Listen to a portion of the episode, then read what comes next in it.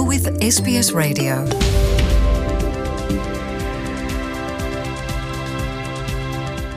ඔස්ට්‍රලයානු දිනදර්ශනයේ තවත් වැදගත් වූ සතියක් තමයි මේ ස්වේච්ඡා සේවකයෙන් සම්බන්ධය කතා බහ කරන සතිය. නැත්තන් ඔස්ට්‍රලියාවේ ජාතික ස්වේච්ඡා සතිය විදිර තමයි මේ සතිය හැදින්වෙන්නේ විශේෂම ඔස්ට්‍රලියාව වගේ රටක් ගත්තොත් එහෙම මේ ස්වේච්ඡා සේවය දැන් එන්න එන්න ජනප්‍රිය ක්ෂේත්‍රයක් බාට පත්වමින් පවතින විශේෂම මේ ඔස්ට්‍රලියානු අතර විතරක් නෙවෙයි සංක්‍රමණකින් අතරත් විශේෂම ජාතන්තර සිසුන් අතර පවා.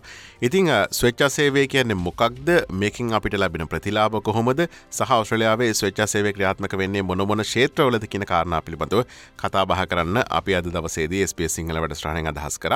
මේ කතා බහට අපි සම්බන්ධ කරගන්නවා මෙල්බනුවර වාසය කරන ස්වේච්චා සේවා පිළිබඳව උපදේශකවරයෙක් විදියට කටයුතු කරපු චමිල් හංස මහතාව. අයිබෝන්න සුබෝදෑසනක් චමිල්. අයිබෝන් සුබෝදෑසනක් හොඳයි චමිල්. අපි මේ සාකච්ඡාවට ප්‍රවේශයක් විදිහට මුලින්ම පැහැදිලි කරගමු මේ වොලන්ටියරින් හෙමනතම් මේ ස්වච්චා සේවය කියන්න මොකක්ද කියලා බොහොම සරලව. ස්වච්චා සේවය කියන්නේ මදුර අපේ කාලේ ඉනට අපේ දශ්‍යතාවෙන් අපි දන්න දේවල් මුදල් අය කිරීමකින් තොරව අපි යම්කිසි ආයතනයකට ලබා දීම. ඒ කියන්නේ අපේ වටිනා කාලේ ඊළඟට ශ්‍රමය සමාජයේ සමාජයේ මිනිසුන් උදෙසා කැපකිරීමක් තමයි අපි ස්විච්චර්සයෙන් කරන්නේ. ඔව ඊළඟට ඔස්ට්‍රලයා පැත්තෙන් කතා බහකරොත් එහෙම මේ ඔස්ට්‍රලියාවේ ස්වේච්චා සේවාව පිළිබඳව තියෙන වර්තමාන තත්ත්වය කොහොමද? චමිල් සංඛ්‍යාලේඛන දත්තත් එක්ක අපි විස්තර කරොත් එහෙම. ඇත්තටම මදුර ඕස්ට්‍රේලියාවේ ජනතාව ගොඩ දෙනෙක් ස්වේච්චා සේවය යෙදෙනවා. ඒක ඇත්තටම මෙයාලා අතර ගොඩක් ජනප්‍රියයි ඉතින් ඕස්ට්‍රේලියානුවන් අතර විතර නෙමේ. උසස් අධ්‍යාපනයට එන ජාත්‍යන්තර සිසුවා මේ ස්වේච්චා සේවය යෙදෙනවා. ඉතින් මේ අපි ළඟ දත්තල වගේක් තියෙනවා පෞගිය කාලයටතු ඒකෙන් කාන්තාවන් 38ක් විතර ස්වේච්ඡාසේවයේ යෙදෙනවා. ඒ කියන්නේ මිලියන 3.2.4ක් පමණ. පිරිමි කට්ටිය 134ක් ස්වේච්ඡාසේවයේ යෙදලා තියෙනවා. ඇත්තටම මිලියන 2.85 අදුර මල්ලංග දත්ත වගේක් තියෙනවා මේ වයස් කාණ්ඩ අනුපාත විදිහට ගත්තු ඒකෙන් අවුරුදු 18යි 24යි අතර 127ක ප්‍රතිශතයක් ඉඳලා තියෙනවා. ඊළඟට අවුරුදු 25යි 34යි අතර 130ක ප්‍රතිශතයක්ද ඊළඟට අවුරුදු 35යි 47යි අතර 142ක් ඉඳලා තියෙනවා.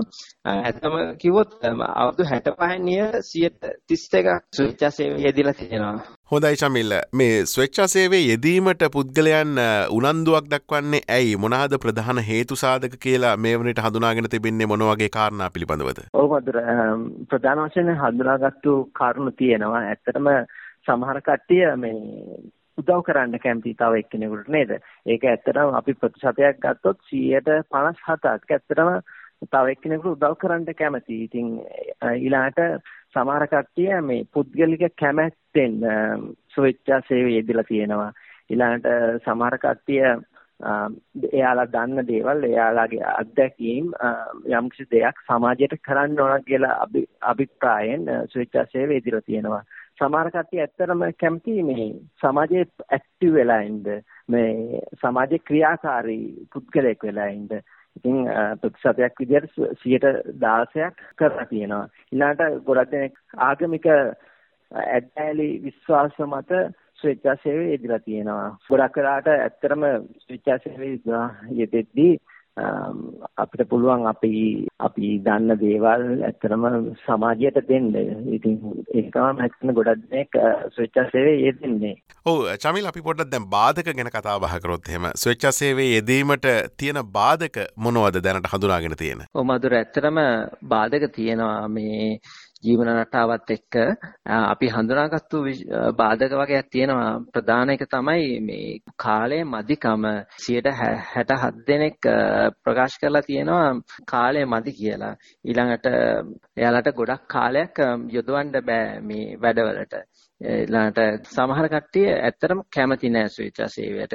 ඒක ප්‍රතිශතයක් විදිහට ගත්තොත් 127ක් විතර. සමහර කට්ටියට ශාරීරික සහ මානසික දුර්වලතාවයන් තියෙනවා.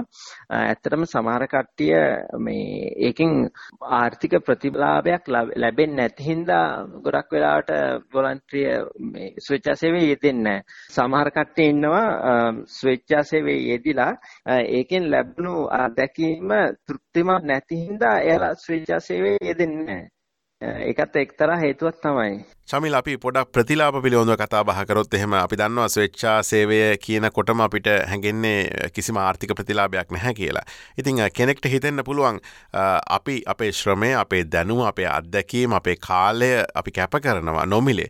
නමුත් මට ලැබෙන්නේ මොනවද ඒ වෙනුවට කියන කාරණාව නැත්තම් ඒ ප්‍රතිලාභ මොනවද කියලා කෙනෙක්ට ප්‍රායෝගිකව නැගෙන්නට පුළුවන් ප්‍රශ්නයක්. චමිල් අපි මේ කාරණාව පොඩ්ඩක් පැහැදිලි කරමු මොන වගේ ප්‍රතිලාභද ස්වෙච්චා සේවකයන්ට ලැබෙන්නේ කියලා විශේෂයෙන්ම ජාත්‍යන්තර සිසුන්ගේ පැත්තෙන්. ඔමත් අතර ඇත්තරම ගොඩක් ප්‍රතිලාභ අපිට තියෙනවා. ඉතින් ප්‍රධාන දේ තමයි 98ක් වගේ සඳහන් කරලා තියෙන්නේ එයාලා එයාලගේ සතුට. ඉතින් තව කෙනෙක් තව කෙනෙකුට උදව්වක් කරපුවාම එහෙම නැත්නම් Taman දන්න දේවල් තව කෙනෙකුට සමාජයට සේවයක් කරපුවාම පුද්ගලික සතුට තමයි ගොඩක් දෙනෙක් සඳහන් කරන්නේ.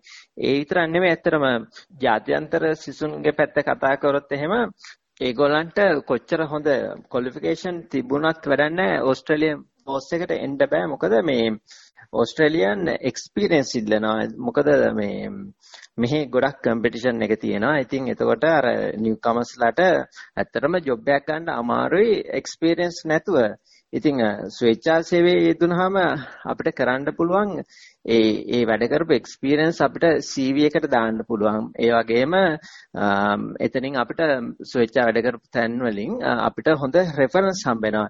ඉතින් ඒක ගොඩාක් උදව් වෙනවා මේ ඉන්ටර්නැෂනල් ස්ටුඩන්ට් කෙනෙකුට මෙහි ජොබ් එකක් ගන්න. ඔව චමිල් අපි අවසාන වශයෙන් ඔබෙන් දැනගන්නට කැමති මේ සේවක අයිතිවාසිකම් පිළිබඳ ඔබ දන්නවා විශේෂයෙන්ම ඕස්ට්‍රේලියානු වර්ක් ෆෝස් එකේ නැත්නම් ඕස්ට්‍රේලියානු ශ්‍රම බලකායේ විවිධාකාරයේ පදනම් මත වැඩ කරන ජනතාව ඉන්නවා. දැන් උදාහරණයක් විදිහට පූර්ණකාලීනව, අර්ධකාලීනව, කැෂුවල් එහෙම නැත්නම් අනියම් සේවකේ. දැන් මේ ස්වෙච්ඡා සේවකය කියන්නේ තවත් කැටගරි එකක්, තවත් වර්ගීකරණයක්.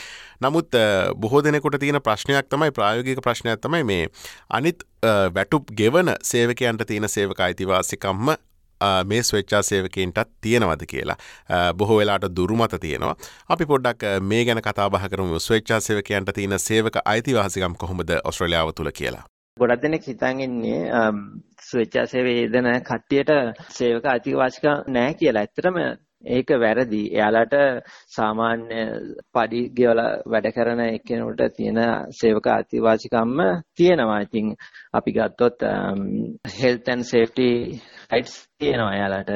ඊළඟට එයාලට ඩිස්ක්‍රිමිනේට් කරන්න බෑ. ඒ වෙනුවෙන් ලීගල් ඇක්ෂන් ගන්න පුළුවන්.